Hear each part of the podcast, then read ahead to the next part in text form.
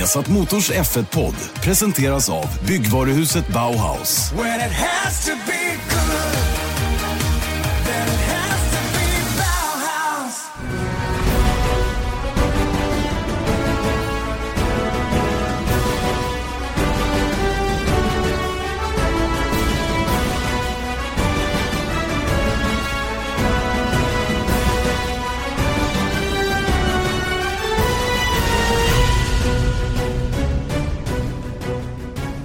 Mycket välkommen till Viasat Motors Formel 1-podd. Janne Blomqvist, Erik Stenborg som eh, idag kommer att prata naturligtvis om Rysslands Grand Prix och allt som hände där senast med eh, VM som kanske avgjordes, teamord, lite annat. Vi har ju även eh, att det blev väldigt, väldigt speciellt med Förstappen som kom från 19 och tog sig upp genom raka, hela vägen rakt genom fältet och väldigt ojämnt således. Eh, vi pratar självklart en hel del om Indycar med Rosenqvist som är klar för Indycar och Chip Ganassi men också att Marcus Eriksson sneglar över Atlanten för att eh, kanske förlänga karriären på den sidan. Och sen har vi en eh, titt också på det som komma skall, det är ju racevecka, nämligen Pirelli Preview inför Japans Grand Prix. Erik Stenborg, god förmiddag. God förmiddag, god förmiddag. Hur mår du? Jag mår rätt så bra faktiskt. Jag är glad att vara hemma från Ryssland. Ja, det är man eh, alltid. Ja, men tyvärr är det faktiskt så att det, det, det är ingen god känsla där borta över. Och det, jag tycker det är tråkigt. Jag vill inte liksom klaga på länder eller sådär. Va? Men Ryssland är inte kul alltså. Det är inte det. Och där borta i Sochi är det ju en artificiell värld. Va? Hela det där stället är uppbyggt enbart för OS och sen så blev det fotbolls-VM och sen Formel 1 och hela den där grejen. Och, Ja, det vet inte. Det känns inte hundra. Det som var roligt var ju att vi faktiskt spelade ett internt pingismästerskap på hotellet. Jag, Björn och Magnus. Och döm om min förvåning när Fotomange var sjukt taggad på att spela bordtennis. Och bra på det dessutom. Men vem vann? vann? Eh, jag tycker nog att sett till antal vunna matcher så får nog Magnus Andersson stå som etta. Björn Wirren klar tvåa och undertecknad då på en eh, jumbo-position. Sista, sista pallplats. Jag var riktigt dålig ärligt talat. Men jag skyller på vinda bollar och lite sådana grejer. Så det, det var, ja. nej, det var inte bra. Jag hade fel förutsättningar. Det är, så, det är alltid det mm. för dig när du ska ja, köra ja, bollsporter på något Absolut, sätt. absolut. Jag har spelat squash med, eh, med Björn Wirden med Bahrain. Just och det. Jag trodde liksom att så här, han downplayade sin kunskap om den här sporten hur mycket som helst kvällen innan. Så ja, men då spelar vi lite då. Och sen så, han totalt, totalt mördade mig. Mm. Och sen så typ bröt jag ryggen också under tiden. Men jag vågade inte säga någonting för då skulle jag upplevas för gammal. Exakt. Jag. exakt. Så jag spelade vidare och sen så kom jag ihåg att jag fick gå till, till uh, Riccardo Ceccarelli för att han fick ta hand om min rygg sen i depån. Inkognito. Men du är lite skranglig. Det var ju, var du inte naprapat efter gokarten också? Jag har fortfarande jätteont faktiskt. Jag, jag har min andra session lite senare i eftermiddag. Just, jag, spel, jag körde gokart för tre veckor sedan. Liksom. Det, du, får, så måste jag... du får karta på det lite Erik. Jag måste göra det. Eller hur? Eh, Rysslands Grand Prix ska vi naturligtvis prata om då. Rysslands eh, Grand Prix, ja vad ska man säga om det egentligen? Eh, det blev ju tyvärr då för VMs del eh, så att Lewis Hamilton vann. Eh, absolut inte tyvärr för Lewis del och för Mercedes. De är otroligt, otroligt bra just nu, både Mercedes och framförallt Lewis Hamilton. Mm. Eh, och han drar ifrån nu med 10 poäng då eftersom Vettel klarade blott en tredje plats och det är 50 poängs övertag, fem tävlingar kvar. Ni förstår själva. På pappret så är det mycket lite som talar för att Vettel ska kunna studsa tillbaka. Mm. 125 kvar. Om man tar full pott så tar man 125 poäng. Men problemet nu är ju att eh, tidigare, innan helgen så hade Vettel fortfarande i sina egna händer. Men det har han inte längre. Så att nu, eh, även om han vinner fem race i rad nu, och, men om Hamilton kommer tvåa så förlorar han VM i alla fall. Mm. Sen så var väl det aldrig speciellt troligt att han skulle vinna de här sex sista racen från början. Nej, alltså Ferrari eh, tycks ju ha tappat formen helt och hållet. Vi kanske ska börja där. Varför de har gjort det? Vad är det som har hänt egentligen? Vad, vad, nu läste jag idag att, att uh, genombrottet för Mercedes med årets bil, det kom i Belgien. Då hittade man någonting som, som de har haft nytta av. Och det är ju framförallt det här med bakdäcken och bakvagnen rent allmänt som de har haft problem med. Traction, överhettning av däck bak. Uh, vi såg exempel på det i Österrike till exempel och, och på andra ställen. Och det är fortfarande tror jag på gränsen för deras del Men helt uppenbart så har de ordnat till det där som gör att de kan åka bilen fortare. De behöver inte hålla igen lika mycket för att skydda bakdäcken, mm. eh, vilket de behövde tidigare. Och Ferrari, ja, jag vet inte om de har gått bakåt eller om de står kvar, men Mercedes har gått förbi dem i vilket fall. Ja, och det är det jag menar. Det, det känns ju som att Ferrari har tappat allt, absolut allt. För de var ju starka, det var ju det som vi sa, alla sa, att mm. Ferrari var så, de, de, hade ett övertag nu. Nu skulle mm. det bara, och det var ju typ i Belgien som man såg att shit, och jag menar jag vet vad Hamilton sa efter Belgiens Grand Prix, att han bara, nej men vi hade han bara seglade förbi på, på raken. Och så om de då hittade det där som du pratade om, Mercedes alltså. Mm. Det skulle vara så sjukt intressant att veta så här, vad är det team hittar? Mm. Är det, sätter de på mm. en del så bara, ja ah, men nu funkar det. Eller är det så här, Nej men det, det, det, så, så, här tror jag att det är. Att man, man skannar ju hela tiden en massa setup-förändringar, lösningar på saker och ting. Och, och, jag tror att Mercedes, det som är viktigt när man har någonting som gör att man hamnar på efterkälken. Det är att, att först och främst ringa in var har vi problem. Vad är det som är bekymret? Vad är det vi behöver rätta till? Och det tror jag att Mercedes ganska snabbt fick klart för sig vad det var. och sen kan man börja jobba på någon, något form av åtgärdsprogram då för att komma till rätta med det här. Men det är ju förmodligen ganska lätt att komma till rätta med understyrning, överstyrning eller vad det nu är. Men, att, men göra det utan att påverka resten av prestandan. Mm. Det är väl det som är tricket på något sätt. Va? Och där har ju uppenbart eh, Mercedes gjort ett fantastiskt jobb med att förstå den där bilen mer än vad Ferrari har förstått sin.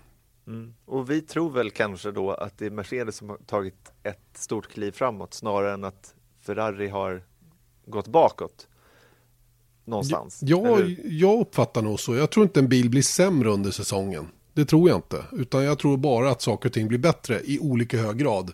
Och i det här avseendet så tror jag faktiskt att, um, att det är Mercedes som har gjort ett bättre jobb fram till nu. Mm. Men samtidigt så tror jag, alltså,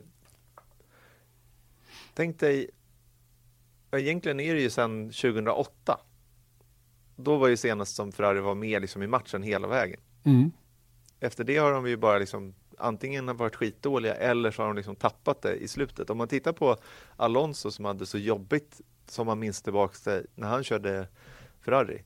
Då var det ändå två år, som man, 2010 och 2012, då var han nära. Mm.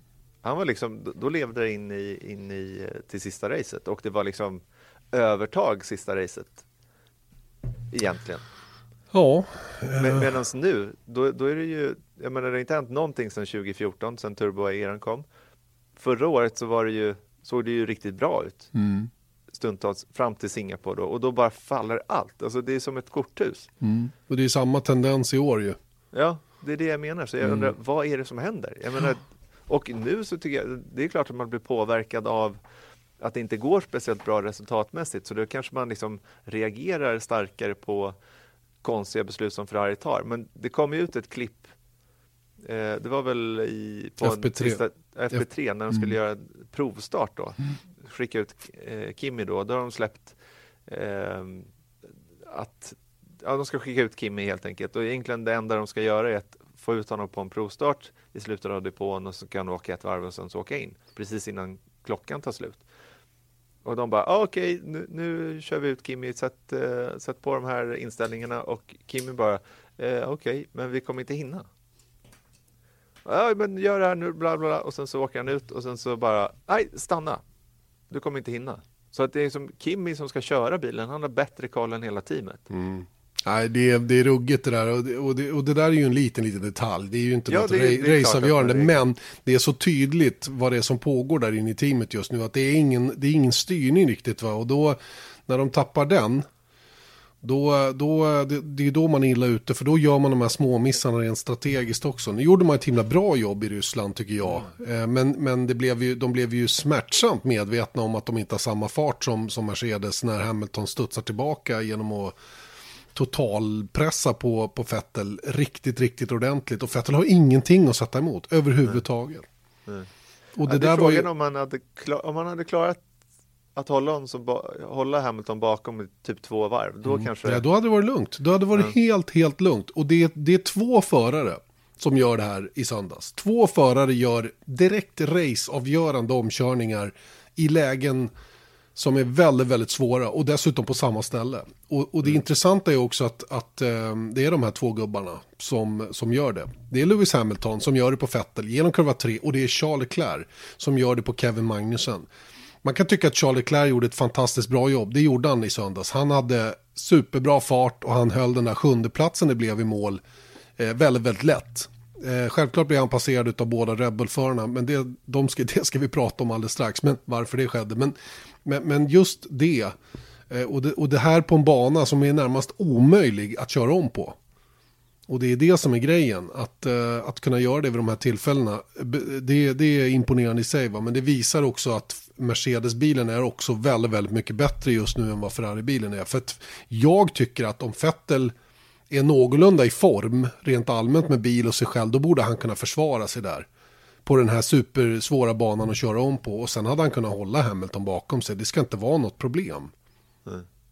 Nej, inte när man säger att man behöver vara två sekunder snabbare för, för att komma om för att överhuvudtaget ha en chans att komma om. Ja. Och, men, men det är det som är grejen med de här två förarna jag nämnde. De, de, eh, de attackerade, de satte allt på ett kort och det är det som är coolt med Hamilton tycker jag. Att han vågar göra det i det här utsatta läget som han ändå var. Jag menar, hade han misslyckats med det här, kom ut i gummiresterna eller att Fettel hade liksom touchat honom, ja, då hade det kunnat vara liksom noll poäng.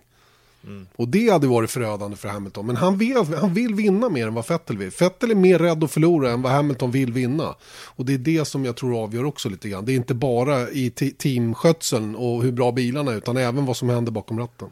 Mm. Sen vill jag också bara lägga till då vad Hamilton har som inte Vettel har.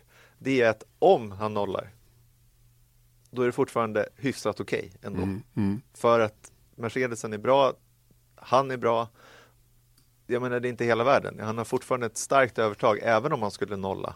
Vilket gör att då kanske man är lite mer benägen att göra sådana där grejer, eller liksom chansa. Nej, jag tror faktiskt att det är precis tvärtom. Jag tror att man skyddar en ledning, och i allmänhet gör man det. Skyddar man en ledning snarare än att chansar på att, eh, faktiskt. Så, för jag menar, Hamilton är ju samtidigt supermedveten om att eh, ett, en växellåda, en motor kan börja krångla. Det var ju så han torskade titeln 2016. Mm. Så att, eh, att hålla på och riska med poäng på det viset. Och det är ju precis det som Mercedes gör när de sen byter plats på Bottas och Hamilton. Det är ju av samma anledning. Mm. Innan vi kommer in på det, det jag menar bara med Hamilton, och en, det behöver inte hålla med mig här, det tänker jag bara på att eh, risken då att nolla där kanske inte var så hög. Men med tanke på, han hade kommit fyra istället. Mm. Kanske. Ja. För att jag menar, så pass stort avstånd var det ju ändå. Så det är där jag menar att, och det är också ett problem för Vettel, menar jag. Att det Hamilton behöver nu, mm. eller det han behöver att Hamilton gör, är att bryta. Mm. Två gånger helst. Mm. Han behöver nolla. Men jag menar, de här toppbilarna, de nollar liksom inte. Kolla Nej. bara på, om man kollar på um, Red Bull-bilarna. Ja, de kommer fem och sexa och startar sist, men ändå. Vi kommer mm. vidare till det också. Ska ja. vi ta på, på, på um, teamorden? Då? Ja. ja, vi går som katten kring het gröt där. Nej, men teamorder blir ju alltid en omdiskuterad grej i efterhand och jag visste att det där skulle bli mycket surr om naturligtvis efteråt. Jag var själv inte det minsta förvånad, nummer ett, att det hände. Därför så var det liksom inte så mycket att höja ögonbrynen över under själva racet, utan det var mer att man kunde konstatera, ja men nu gör de det här bytet då, som alla ändå har gått och väntat på. Det som det som förvånar lite grann kanske är mångas reaktion. att man inte var mer förberedd på att det skulle hända, för det är ju därför man reagerar.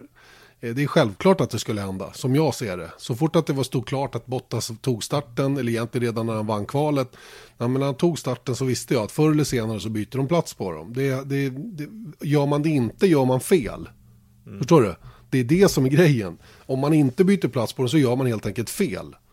Mm. Och, och, och, eh, det gjorde inte Wolf, utan han såg till att det hände. Bottas är en teamplayer, det är därför han har platsen i Mercedes till att börja med. För att de vet att de kan lita på honom i de här lägena. Det blir inga kontroverser. Visst, han är tjurig som fan, vem skulle inte vara det? Det skulle jag med bli, men, men jag menar, det, det är ju bara att ta det. Men det som, är, det som är tråkigt är ju Mercedes sätt att eh, liksom att de försöker få någon offerkofta på sig för att de, ja, vi var tvungna att göra det här, det var så ledsamt, det var en jobbig dag, svår dag. Tog bara 43 poäng och vi drog från i förra VM med 10 poäng. Det är en jätte, jättesvår dag det här. Mm. Vi, får, vi får nog gå hem och dricka lite gravöl på något sätt. Va? Det blir ju töntigt, lägg av med det där. Mm. Och det, är där, det är det jag tror är problemet. Ja. Sett till hur folk uppfattade det. För att hade de varit så här, ja men nu, nu tar vi det här beslutet och vi står för det, 100 procent. Nu tog de beslutet, men de står inte riktigt för det heller. Och ingen gör det, för då är det så här, ja det här är en, som du säger, det här är en svår dag och Mm. Hamilton bara så här, ja men min första reaktion när jag hörde att det här skulle ske, det var, jag blev eh, Lägg av. Ja, jag blev lite eh, ledsen då för, för Valtteris skull och, och, ja, men sen så blev det så, så å andra sidan då racen i, inom mig, det är vill jag ha de här extra poängen för det kan bli viktigt sen också att vi, vi kan se tillbaka till förra året nu när, vi gav till, när jag gav tillbaka Bottas-positionen i Ungern Tänk om vi hade tappat VM då med tre poäng och sen så, du vet sånt där. Men jag menar, hade de istället och, och, och det är det här jag menar med Mercedes hela eh, kommunika kommunikation runt teamorder är att nej, vi låter våra förare tävla. Det gör vi bara. Ja, det gör de ju. Fram tills att det kommer en sån här situation. Ja, ja visst. Och de hade ju dessutom innan den här tävlingen flaggat för att använda teamorder. Ja, Då kunde de väl bara sagt det, att det, det. Han skulle kunna sagt innan start. Ni ska ha väldigt klart för oss att så här är det. Hamilton är den som kör om VM-titeln och det är självklart att vi tittar på hur han kan dra full nytta av situationen på banan. Det är det enda de skulle ha sagt innan. Då hade ingen ifrågasatt det överhuvudtaget. Men, men återigen, alltså, lägg av och lägg ut rökridåer i efterhand och, och låtsas som att de är ledsna för Bottas skull. Det är inte, de är inte ett dugg ledsna för han och hans vägnar. Och, och sen sitta och säga att de inte hade diskuterat det här i förväg. Det är klart att de hade gjort det. Ja för det är det som de har kommunicerat efteråt. Att men vi hade inte pratat om det här tidigare. Bla, Vad sa du? Hade de inte gjort det, då är de ju dumma i huvudet sa du. Och det håller Ja. jag med om, för det är precis det de är. Om man inte har diskuterat det här scenariot i förväg, då är man dum i huvudet. Då borde man inte vara teamchef. Och sen också skicka fram James Allison och säga att eh, eh, det, det är liksom, ja men vi såg en blister på ena bakdäcket. Det är ju smart naturligtvis va, men, men, eh, men det, det klantiga Fast det är tycker jag... inte så smart, för det är det jag menar. Det är där det blir- blir det blir lite istället. uppenbart. Det, det, det de skulle ha gjort och det som man har kritiserat Ferrari för också när de har gjort sådana här grejer tidigare, eller överhuvudtaget det gör det i samband med depåstoppen. Nu höll de istället på att strula bort Hamilton i samband med depåstoppen, av någon anledning som inte jag begriper. Men med allt det här sagt, jag kan förstå, alltså jag är ingen stor fan av teamorder, jag accepterar att de finns. Men det är klart att man hade, hade det kunnat gå att reglera det så att det var förbjudet, då hade jag kanske föredragit det. Men det, går, det är ju det som är problemet, att motsatsen till det här är att vi har en regel som förbjuder teamorder, och det har vi haft tidigare. Men den försvann till säsongen 2011 på grund av att teamen gör det i alla fall. För att det är så himla mycket viktigare att ta att rätt förare tar poäng för att kunna utmana om VM än att få kritik för att man gör teamorder. Mm, Och ja. då minns vi ju Hockenheim 2010 på Massa och Alonso, Alonso is faster than you. Det är därifrån det kommer och det är Mm. därifrån det försvann också. Så att teamorder har, jag säger som Eje Älg, att teamorder har alltid funnits inom all form av motorsport, mer eller mindre. Mm. Och det går inte att få bort det. Nej. Därför är det bättre att tillåta det och stå för det istället. Mm. Och det enda Det sättet att inte behöva ha det, det är att inte ha ett förarmästerskap. Ja, Det är enda sättet. Ha, Finns ha, inget ha ett mästerskap. Ett mästerskap som man kör om och det är helt enkelt att vinna för Mercedes. Sen kan de ha interna bonusutbetalningar för hur många poäng man kör in och så vidare. Va? Men för att helt slippa teamorder och bara få, men du vet, tror att Mercedes då skulle liksom, då skulle det bli ännu mer hold position. Om man inte hade ett förarmästerskap. Om du bara körde om teammästerskapet. Då fick man ju aldrig ut, då åkte man ju bara liksom och styrde upp. eh. Så, så det, jag, jag tror inte man kommer undan det här med, med det upplägg som är nu med tvåbilsteam och hela den grejen. Va? Så att, eh, Nej, och, och kolla bara på hur mycket fokus som alla lägger på förar-VM Mm. kontra konstruktörs-VM. Skulle man ta bort förar-VM, det skulle vara Mm, nej, men Inte det är, bra. vi vill ju ha våra hjältar, så är det ju va. Eh, så, så att det, men men om, om, man nu skulle behöva bli av med problemet. Jag, det är folk på min blogg som tycker att jag är lite så här, eh, att jag, att, ehm, jag ignorerar det, eller vad ska jag säga, jag inte tar det på allvar vad folk tycker. Ja men det är klart att jag gör det också, men vad jag inte förstår är upprördheten över någonting som alla visste skulle hända. Sen är inte jag heller någon större fan av av teamorder som sådan. Va? Men om jag vet att det ingår i spelets regler, då har ju jag med det i hela mitt upp, upplägg. Liksom. Förstår du? Mm. Ja. Det är det man måste ha. Man måste baka in det. Alla måste ha med det. Och som jag sa, i, även i sändningen, det är inte i söndags Bottas åker på den här teamorden. Det är ju alla andra resultat som inte har gått hans väg i år. Det är ju därför han är i den här situationen. Det är, och det mm. ingår ju också i konceptet i stort. Mm. Sen, sen, så får alla tycka vad de vill självklart, om det. Självklart. Och, och det är som, som sagt, vi tycker samma sak antagligen, men det finns inget alternativ. Nej. Men du, nu vill jag bara säga så här, 50 poäng sa vi. Vettel, VM kan man, många säga är avgjort, och, men det är det ju inte. Mm, nu ska nej. vi inte försöka bygga någonting som, som inte finns där. Jag menar 50 poäng på, på, på fem race, otroligt svårt.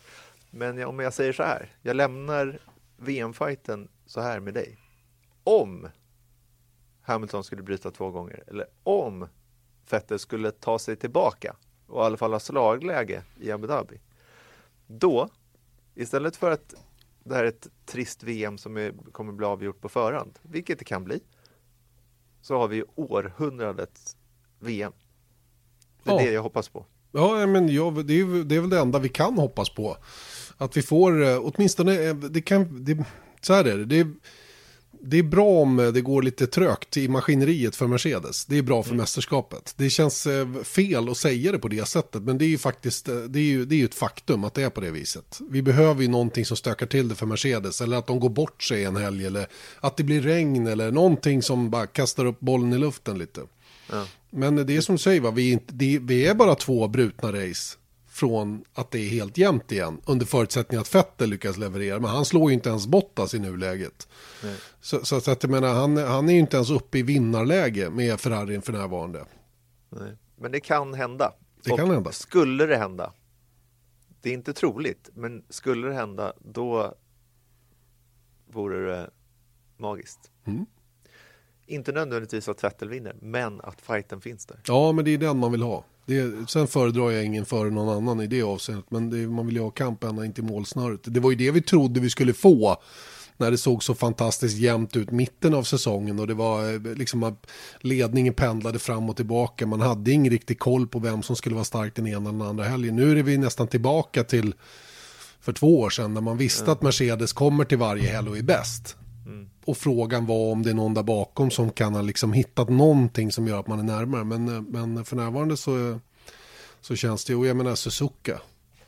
Ja. Vilken, vilken eh, sett, till, sett till hur det har sett ut så här så, så finns det ju ingen anledning att inte hålla Mercedes som favoriter där också. Nej. Vi kommer till det, men det som jag tänkte på också var ju att, nu har jag glömt bort det, nu försöker jag Nej, men det är ojämnheten med förstappen. Ja, eh, nej, nej, nej utan det. just, just uh, runt uh, uh, vändning, det kanske kommer tillbaka. Ja, vi tar det. Om du kommer på någon annan klassisk vändning så får du komma tillbaka till det då. då. Mm.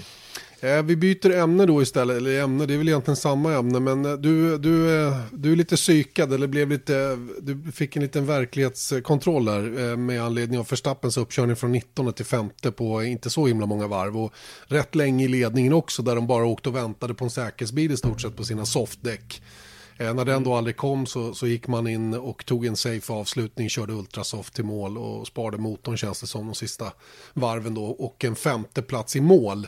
Eh, det är ju en, eh, det är en, det är en mäktig uppkörning såklart, men ehm, eh, vi har ju konstaterat där förr, en, en bil i topp 6 som hamnar längst bak, den är som sämst sexa och på inte speciellt många varv.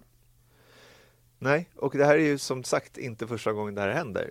Men av någon anledning, när jag sitter och tittar på racet i söndags, så bara, vad är det som händer? Jag, blev, jag fick eh, liksom, det här ska inte gå. Det var typ som, min känsla där och då var som att det var första gången jag såg det. Eller första gången jag förstod hur ojämnt det är i A och B-VM. Mm. För det gick så sjukt fort också. Jag menar, de bara seglar ju förbi, det är inga omkörningar utan det är liksom och, och än en gång, det är inte första gången det händer på det sättet heller. Men nu, jag tror att han jag har inte varven framför, framför mig, men jag tror att han var uppe på åttonde plats på åtta varv. Ja, eh, på fem varv tror jag det var. Till med. Fem varv var han på, mm. uppe på åttonde plats. Jag menar, det är ju helt insane. Mm. Visst, visst är det det. Och, och tråkigt, självklart också, att det är så pass ojämnt som det är. Eh, det devalverar ju lite Max Verstappens uppkörning också, det får man väl ändå säga och vara ärlig med. Att visst är han duktig och hela den grejen, men, men eh, att ta sig upp genom fältet på det där viset, det, det är ju inte normalt och det ska inte, det ska inte kunna gå så lätt heller. Speciellt inte på den här banan i Sochi då, där, där eh, det krävdes enorma fartskillnader. Den är ju lite lik Barcelona på det viset. Som också gör att fältet blir väldigt utdraget och det är helt omöjligt att följa en annan bil. Och du, det är liksom, du in, när, du, och när du inser det så, så slutar du bara.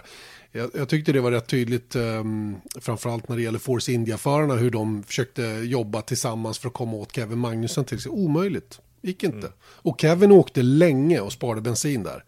Inga som helst problem att hålla dem bakom sig i alla fall. Mm. Och, och, ehm, och, det gör ju då att när man ser det och samtidigt ser Förstappen bara åka lite slalom mellan dem tills han kommer upp i, i ett läge där han bara helt enkelt åkte och, han åkte ju bara och väntade på att det skulle bli säkerhetsbil för att då kunna ta sitt däckstopp och kanske till och med vara med och slåss om segern. Mm. Det, det, det, blev som sagt inte första gången det blev landade i min hjärna hur obra det där är. Det fanns lite plats över. Ja, det gjorde det för en gångs skull. Mm. mm. Jaha, men, vad gör man åt det här då?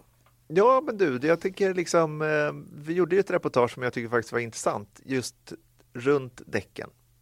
Att det man vill någonstans överlag i Formel 1 är att skapa dynamik i racen och då har man kommit fram till att för det första då att vi ska ha ett obligatoriskt depåstopp eh, och eh, till i år då så vill man helst ha två och då skulle man göra däcken mjukare så att eh, de skulle helt enkelt ta slut.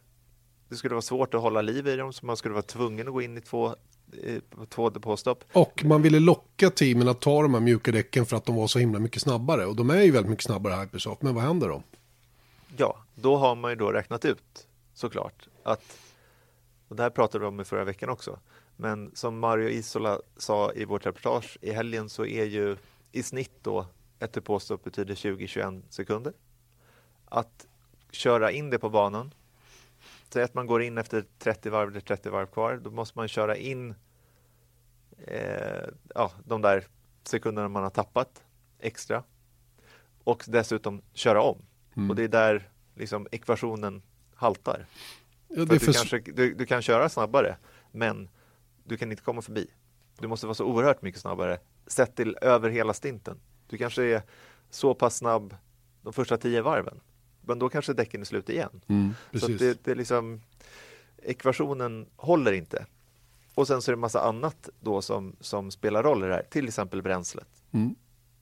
Som gör att det, inte, att det inte fungerar. Och sett till Hypersoft som koncept, ett kvaldäck har vi, men det funkar ju inte i praktiken. Nej, tyvärr gör det faktiskt inte det. Och, och jag tycker att de race där vi har haft Hypersoft har inte, har inte lyfts av det faktum att Hypersoft har använts.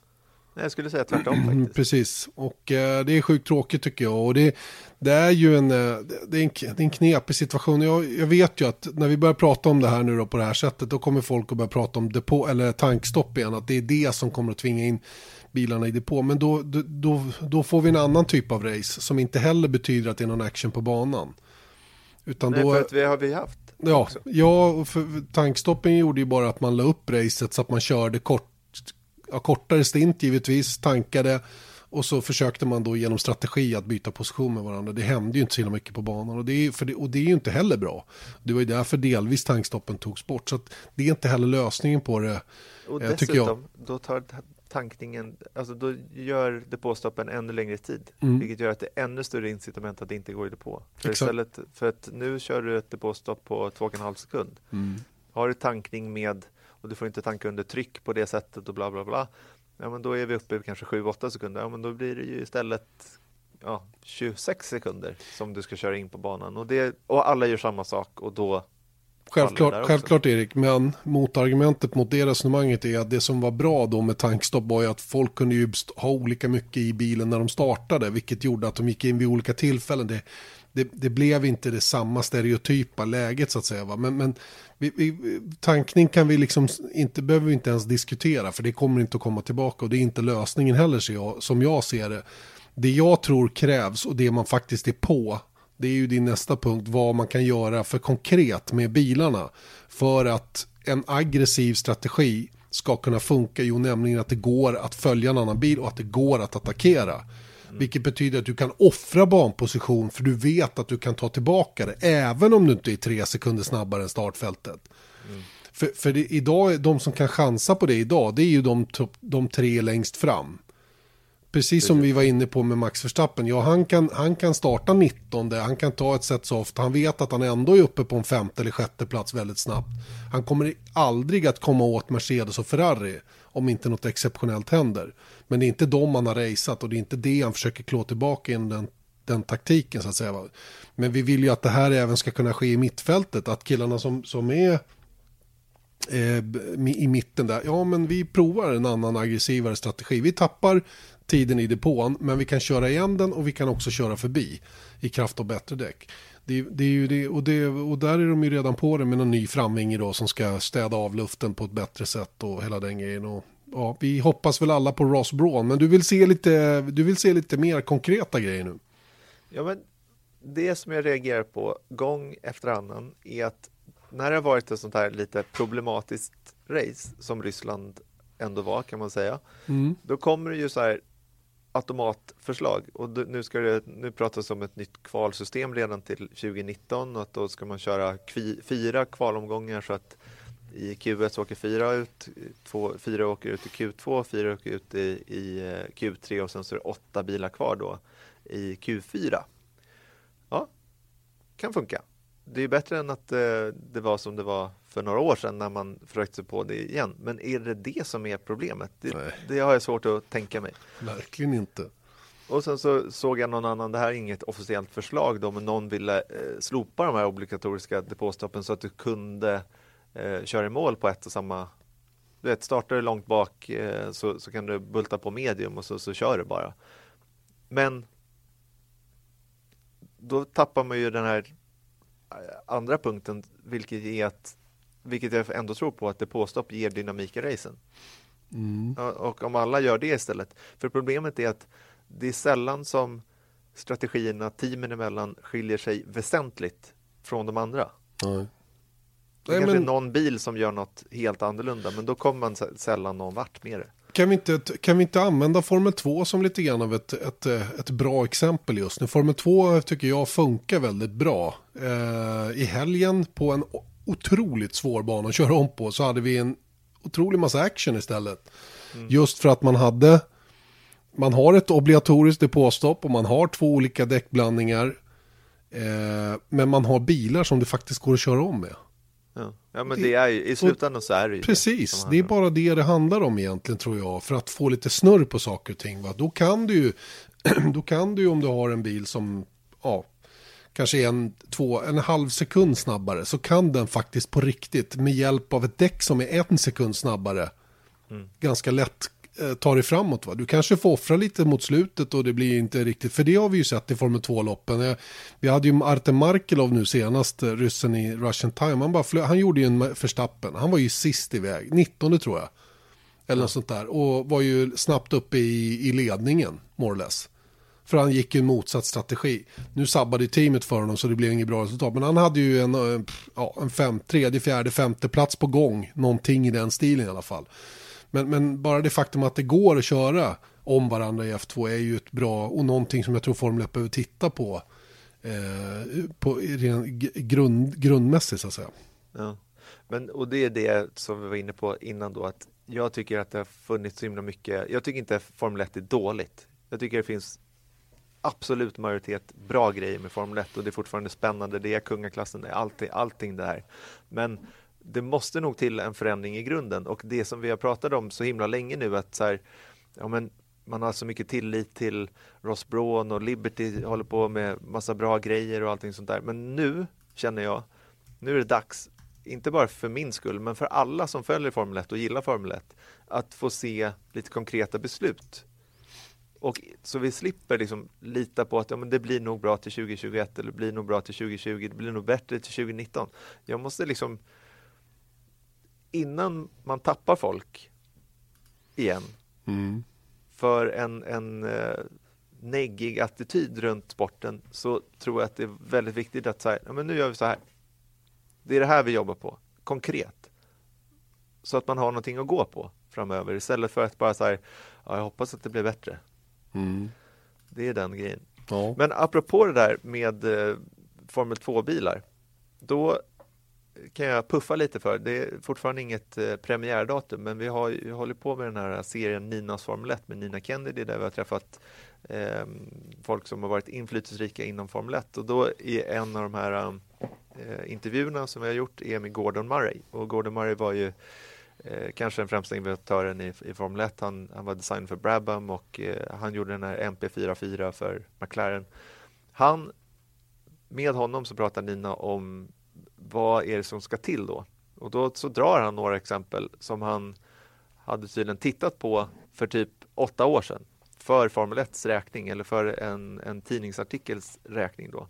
Och han säger så här, det är samma grejer som jag tror ska till idag som för tio år sedan. Och det han pratar om istället då är att ta bort eh, aerodynamik, aerodynamik håller han med om är viktigt för han tycker att det ska gå fort.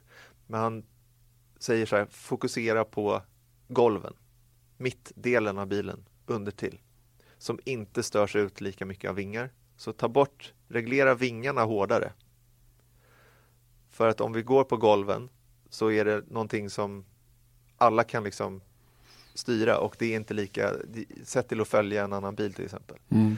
Sen säger han också då att hårdare däck vill han ha. För att med mindre grepp i. Och det är då kurvhastigheten och bromsningarna kommer mycket tidigare. Mm. Vill han ha mer broms. effekt också? Eh, nej, det tror jag inte att han, han menade att han behövde mer effekt. Men däremot så såg han ingen poäng med den här green movement. Men det, den håller jag kanske inte med honom om eftersom det bygger mycket på att biltillverkarna ska gilla att vara med i Formel 1 också. Så att, eh, den håller jag inte med om. Men just bara den grejen, att ta bort eh, fokusen på aerodynamiken från vingarna till golv sätt på smalare, hårdare däck som gör att det du- går långsammare kurvor och blir längre inbromsningar. Bra, jättebra. Gordon Murray, perfekt. Han har ju kompetens. Eh, det här är någonting vi har hört länge. Eh, minska aerodynamikens på påverkan och eh, ge mer mekaniskt grepp. Och kanske hitta aerodynamiskt grepp från en mindre känslig del på bil. Inga nyheter egentligen, va? Nej. Eller hur? Nej. Men varför sker det inte då? Vad i hela friden är det som sätter stopp för att det här händer någon gång? Vem är det som håller emot och varför? Vad är problemet? Det är en mycket vet. intressantare fråga egentligen än varför, eller hu- än hur man ska göra. För det här fattar ju Ross Braun också. Han är inget kronpuck och jag tror att alla de här gubbarna som designar bilar i depån vet exakt hur man får en bil. Men, men det, det intressanta var väl kanske när Ross Braun sa det att vi behöver ju faktiskt designa bilar som är designade för att gå bra i trafik. Ja. Inte för att vara snabba längst fram. Och det är väl, men då är vi tillbaka till det här att vi, vi litar på att Ross Braun kommer lösa det här. Mm. Men kommer han det? Och det vet vi inte ännu, för han har inte kommit med något konkret beslut ännu. Vi har satt Motors Formel 1-podd. Janne Blomqvist Erik Stenborg fortsätter att traggla på. Vi, vi är lite småtjuriga idag, men men det får man vara ibland, eller hur? Man behöver inte vara över hövan på topp jämt. Jag tycker vi ska vara ärliga i den här podden. Ja, och det det har vi. vi varit hittills. Oh, ja. Så det är lika bra att eh, fortsätta med det. Ja, herregud. Nu kan vi vara glada över någonting tycker jag. För nu ska vi nämligen titta till något som, eh, någonting som blev en väldigt kul nyhet tycker jag i fredags. Eh, nämligen att Felix Rosenqvist eh, alltså till slut fick berätta då att han kommer att köra för Chip Ganassi Racing i Indycar nästa säsong. Eh, han kommer alltså in i mästarteamet tillsammans med Scott Dixon, eh, Stefan Johanssons eh, förare då som Stefan har tagit hand om under alla år i Indycar där och som väl även ligger bakom delvis i alla fall eh, med Felix Rosenqvist. Jag är inte helt och hållet men strunt samma. Scott Dixon och Felix Rosenqvist kommer i alla fall att köra tillsammans i, i Chip Ganassi Racing, ett av de absoluta toppteamen där borta. Och det här är ju skitkul nyheter verkligen och någonting som vi behövde eftersom vi samma vecka fick reda på att Marcus Eriksson inte fick förlängt i Formel 1. Mm. Ja, det finns ingenting mer att säga om i frågan, för det är verkligen kul och just att ha någon på Visst, det kommer vara mycket att lära för Felix såklart, men jag menar allt man har hört från Chip Ganassi, han har gjort två tester eh, på Mid Ohio tror jag, mm. båda gångerna. Mm. Och det är ju bara att de har ju överöst kärlek mot eh, Felix Rosenqvists kompetenser där. Så att jag det är klart, han kommer få mycket att lära första året, men han sitter i så pass bra, bra, material att han bör kunna vara med i toppen åtminstone. Visst, och har alla förutsättningar som förare att klara av det. Eh, det var också kul att se kärleken från resten av etablissemanget. Det var väldigt, ja. väldigt många, men du och jag följer ju naturligtvis mycket motorjournalister och sånt på sociala medier och även gamla profiler och sådär. Alla var unisont väldigt glada att Felix Rosenqvist nu äntligen får ett break och hamnar i ett riktigt toppteam i en hög etablerad serie. Mm. Eh, inte för att Formula E eh, inte är det, men det är inte den typen av racing som folk betraktar som det, det häftigaste som finns. Eh, Indycar är väl trots allt nummer två i världen tillsammans med det japanska superformula och då, då är det ju när man hamnar i toppteam på det här sättet och mm, då, då, då, får man, då får man cred liksom. Ja, och Superformula går inte ens att jämföra liksom uppmärksamhetsmässigt heller. Jag menar, det är ganska undangömd eh, serie trots allt. Men Visst. just den där grejen att det, var, det säger också någonting om hur mycket och på hur många olika platser som Felix har kört. Om man kollar på hans Instagram-inlägg där han berättar att han ska köra för Chip Ganassi och Indycar. Om man kollar på kommentarerna där, det är inte många som man eller det är jättemånga kommentarer överhuvudtaget, men det är många där som man känner igen. Det är, liksom, det är Per Gasly, det är Stroll, det är eh, Junkadeja, det är hur många namnkunniga mm. som helst som liksom grattar Felix där. Så det, och det här är väl liksom Visst, det var en, ett stort break att han kör eh, Formel E och att han gick bra i Formel E, men det här är ju det här är större. Ja, det här är liksom på toppnivå. Absolut, absolut. Och jag är superglad för Felix del att han har liksom lyckats göra de här åren i Formel E och skaffa sig lite bra betalt och även fått köra i Japan och hålla igång. Men, men det här är ändå, nu kröp han igenom nålsögat på något sätt. Va? Och det här, det här kommer att bli sjukt intressant att följa.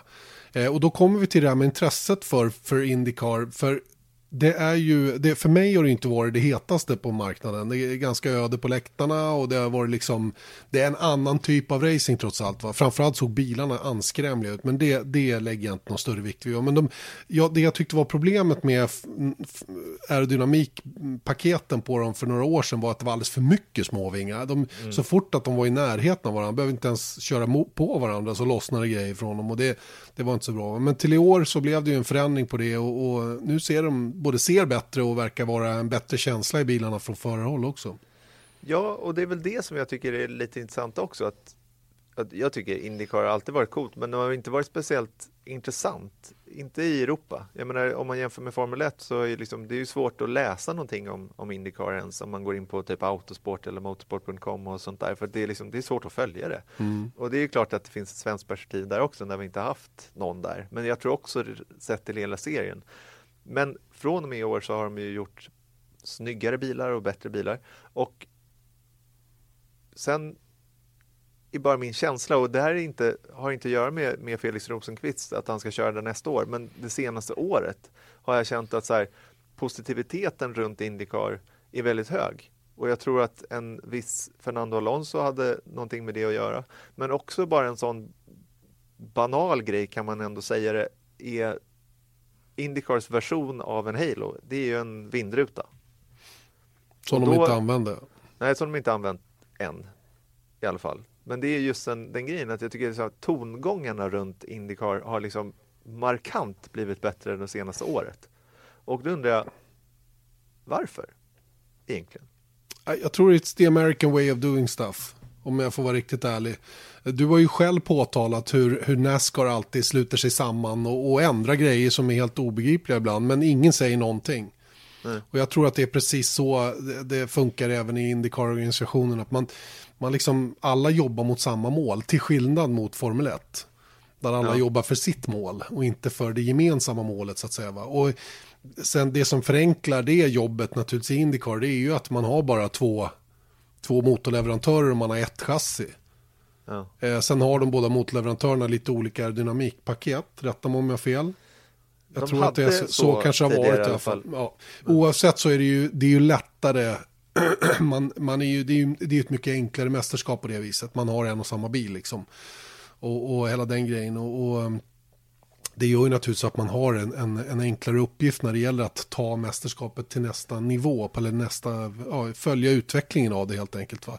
Och sen får vi väl vara ärliga att det har ju varit rätt snurrigt där borta också. Det har bytt namn, det har varit Indycar, det blev Champcar, det har varit kart och sen har det blivit Indycar igen. Och det, Så det har ju... IRL på en parallellserie. Ja men eller hur va. Så, så, så det, det har ju svängt framåt och de har inte riktigt hittat sin plattform förrän de senaste tre, fyra åren. Eller hur? Känner inte du ungefär samma? Att det är nu de börjar liksom ramla ner i spåret och vet åt vilket håll de ska. mm. Och det är säkert då att göra med också att man är inte, eller jag är inte speciellt kunnig om Indycar, att jag har inte följt mästerskapet mer än enstaka gånger. Och jag menar visst, man kollar på Indy 500 förra året och tittar ofta på Indy 500, delvis i alla fall. Så att det är klart att när man inte har kunskaperna så har man inte full koll på vad som händer. Men det är just den där grejen att det känns som att Indycar verkligen är på uppgång. Och, och precis som du säger också att jag tror att det finns någon slags teamplayer-grej.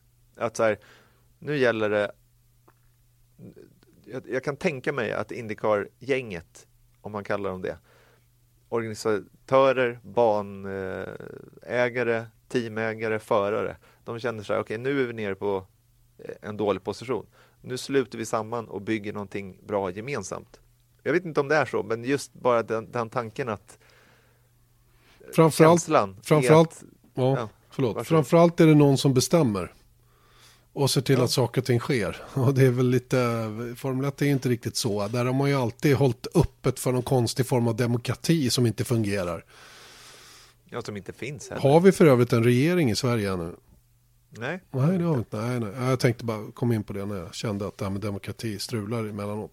Hur som helst. ehm, eh, annorlunda än Formel 1 är det ju definitivt och eh, det ska bli intressant för nu får vi verkligen chansen att följa det. Och Erik, vi får en miljard frågor om huruvida Viasat ska sända det eller inte. Mm. Så, säg till mig, vet du något om det? då säger jag Vi kommenterar Då- inte rättigheter. Nej, då säger jag så här? Nordic Entertainment Groups hållning är att vi kommenterar inte rättigheter som vi inte har. Så, då har vi i alla fall tagit upp frågan. Precis. Men hur, är det egentligen, men hur är det egentligen Erik? Bara det mig emellan. Vi kommenterar inte rättigheter som vi inte har. Janne.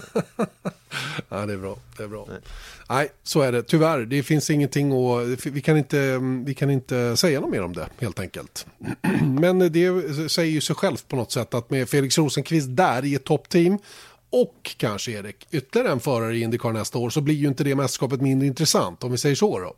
Verkligen inte. Eh, Marcus Eriksson ja, som eh, alltså förra veckan fick reda på att han inte får fortsätta i Formel 1 och när vi kom till Ryssland fick jag ju möjlighet att träffa honom för första gången och ja, det, det, det var tycker jag ändå en revanschsugen Marcus eh, som krigar på. Eh, fast besluten att hitta ett alternativ till nästa år. Han har inte gett upp Formel 1-drömmen, verkligen inte. Eh, snarare tvärtom. Eh, men han inser ju också att ska han hålla den vid liv så måste han ha något att göra nästa år, inte bara vara tredje förare. Och eh, det, som, det som då har kommit upp på bordet är ju då eh, alla tänkbara höga nivåer av körning då. Och det är ju naturligtvis Japan, USA, VEC. Det är ju de tre som egentligen är intressant. Och om jag läste honom rätt där så, så liksom rann det åt ett håll och det är över Atlanten i Indycar helt enkelt. Va? Där, där ambitionen är att finnas då till nästa säsong på ett eller annat sätt. Vi får väl se hur det blir med det. Eh, Det jag också kunde konstatera är att han på något sätt snabbt vände den här negativa grejen till någonting positivt. Han började prata om saker och ting i positiva termer. Tänk att få liksom en ny start och hela den där grejen. Och det gjorde att jag kom in på en sak som som jag eh, blir nästan lite beklämd och liksom komma fram till eh, hur destruktivt Formel 1 har varit för Marcus Eriksson som person.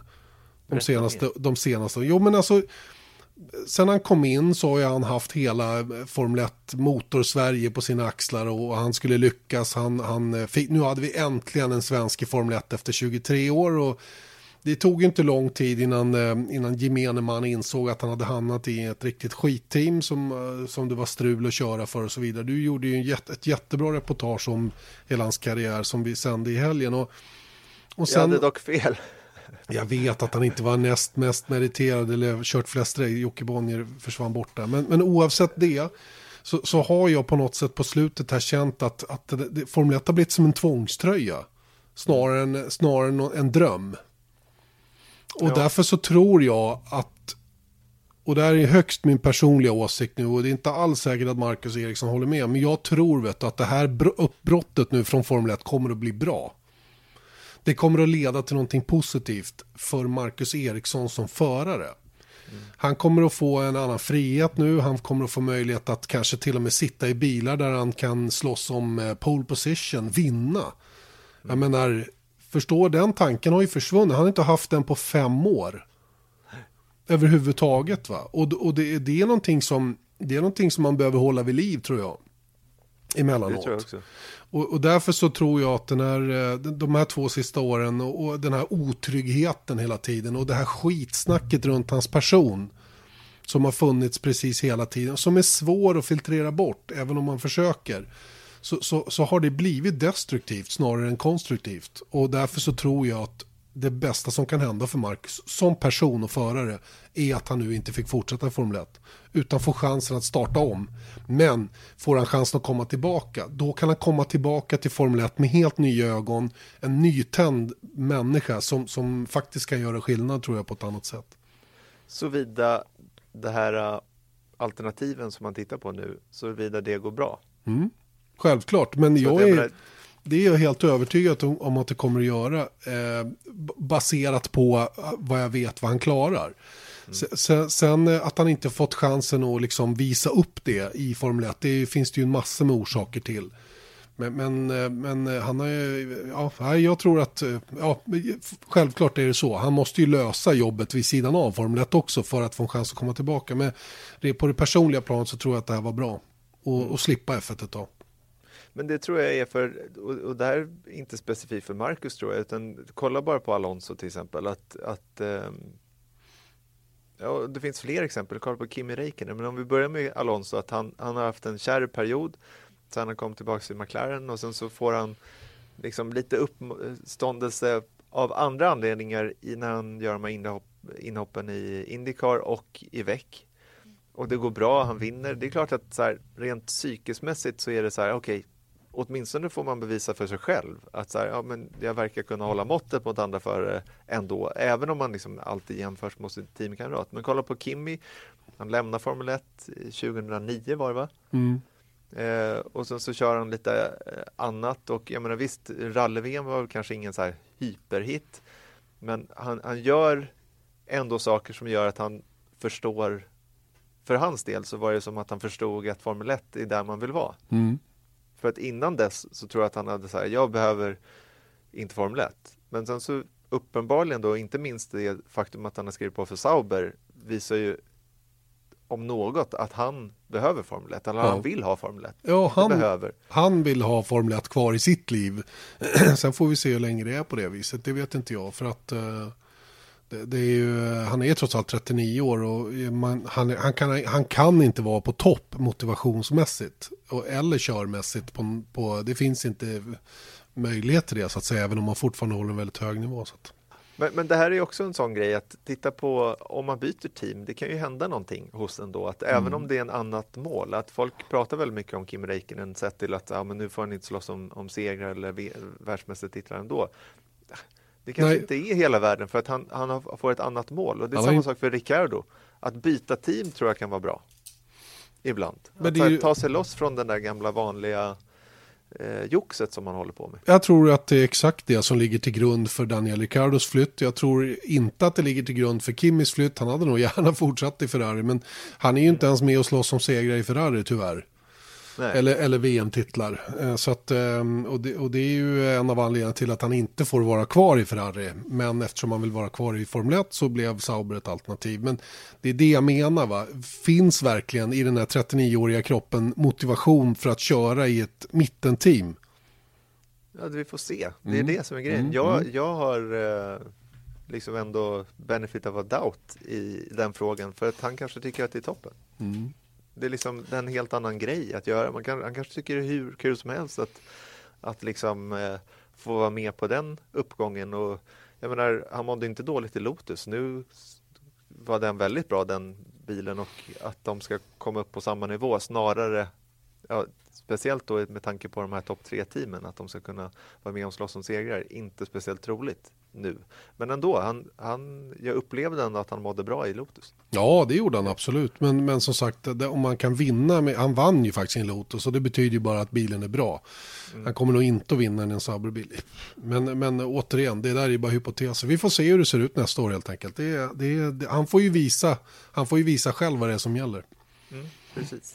All right, eh, då släpper vi det tycker jag. Och eh, säger att vi nu blickar framåt mot kommande helg eller kommande nätter snarare. Vill man vara uppe och titta på träningen då måste man gå upp till klockan tre natten mot fredag.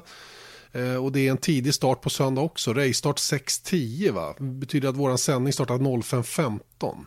Mm, kan det stämma? En timme till, nej. 07.10. 07.10, okej. Okay. Okay. Vår sändning sätter igång 06.40. 06.40 är det ja, just det. Vi har ju en liten annan variant den här. Jag har inte ett siffra rätt här, men det är väl, det är väl inte så konstigt i och för sig. Brukar Som vara så. vanligt, Brukar det vara finns så. på sociala medier inom kort, i varje fall när vi spelar in det här. Så när det här kommer ut så bör den finnas där. Just det, Japans Grand Prix, och vi börjar med däcken då naturligtvis. Vi har ju som vanligt en Pirelli Preview där jag fick sitta ner med Mario Isola som berättade så här om Japan. Pirelli Race Preview. Pirelli Power is nothing without control. Next time out, we come to a Formula One race. Will be for the Japanese Grand Prix, a very demanding track, a very particular track with a lot of high-speed corners. How are the tire selections coming to Japan? Uh, Japan, uh, yeah, it's one of the highest severity circuit we have in the championship. But uh, because of his uh, unique layout with uh, like eight, uh, right, left and right tires are stressed almost equally, so you distribute the stress a bit better compared to other circuits. We are going there with medium, soft, and super soft. The tarmac is aggressive. The weather conditions in October could be any, so it could be quite warm or cold. In case of cold conditions, the main issue could be the graining, especially on the medium compound. Um, but I would say you know all the three because also the working range is uh, is important and the medium compound has a lower working range compared to the soft and the super soft.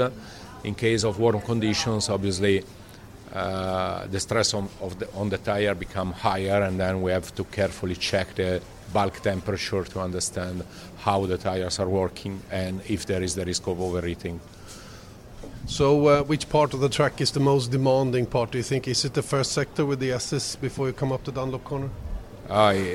All the sectors are quite demanding. The first sector, for sure, you have the S's that are quite demanding, but then you have the, the spoon, the 130 uh, R uh, turn.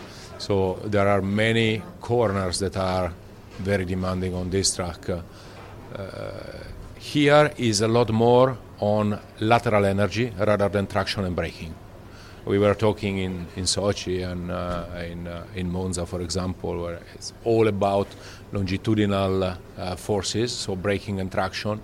In Japan, uh, is more like Silverstone, is more like Spa, where the lateral energy, the, the, the, yeah, the, corner, the fast corners are putting a lot more energy on tires, and therefore this is the effect that is more stress in the tire. It's not uncommon to have rain in Japan as well in October. Uh, well prepared on the rain tire side? I think so, yes. We are going there with uh, the base choice for both intermediate and wet compounds because, as I said, the track is quite, the, the, the tarmac is quite abrasive. So consider that when, it, when it's raining, uh, you have always a situation that is in evolution it's very difficult to have uh, a consistent terrain for hours. So uh, with a track that is evolving quickly, we need a tire that is also able to work with a, a drying track, especially for the intermediate tire. And with a drying track and an abrasive tarmac and fast corners, also the energy that you are putting on the intermediate tires are quite high. and that's why we nominated the base compound that is a bit uh, harder compared to the what we call the soft choice. Mario Isola där alltså om eh, hur man har valt däck och varför eh, kommande helg då inför Japans Grand Prix. Eh, roade mig med att titta lite hur förarna har valt att eh, disponera detta och konstaterade att Ferrari är de som är klart aggressivast. Eh, de tar bara ett enda set av ehm, den hårdaste gummiblandningen. Det är, lite, det är lite intressant. Det ska bli jäkligt spännande att se hur eh, hur de reder ut det där så småningom med, med det alternativet och varför de kan göra det och eh, inte Mercedes gör det till exempel. Ja. Fettel, Fett, nej, jag vet inte heller. Det är ju, det är ju, men det är ju liksom, det är intressant ändå. De, de har alltså tagit tio set supersoft. Ja. Eh, Kimi Räikkönen och Sebastian Vettel. Eh, Hamilton Bottas tar sju.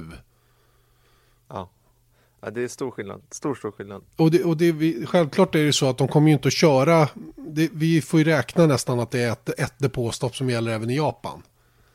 Mm. Så, så någonstans så är de väl super, här, här vill de verkligen starta längst fram och kommer lägga allt fokus på att kvala så snabbt som möjligt. Mm. Och det är ingen dum idé för det känns inte som att Suzuki är någon omkörningsfest heller. Sen så är det väl bättre än Ryssland eventuellt. Jo, det är det ju, men framförallt är det ju en förarbana.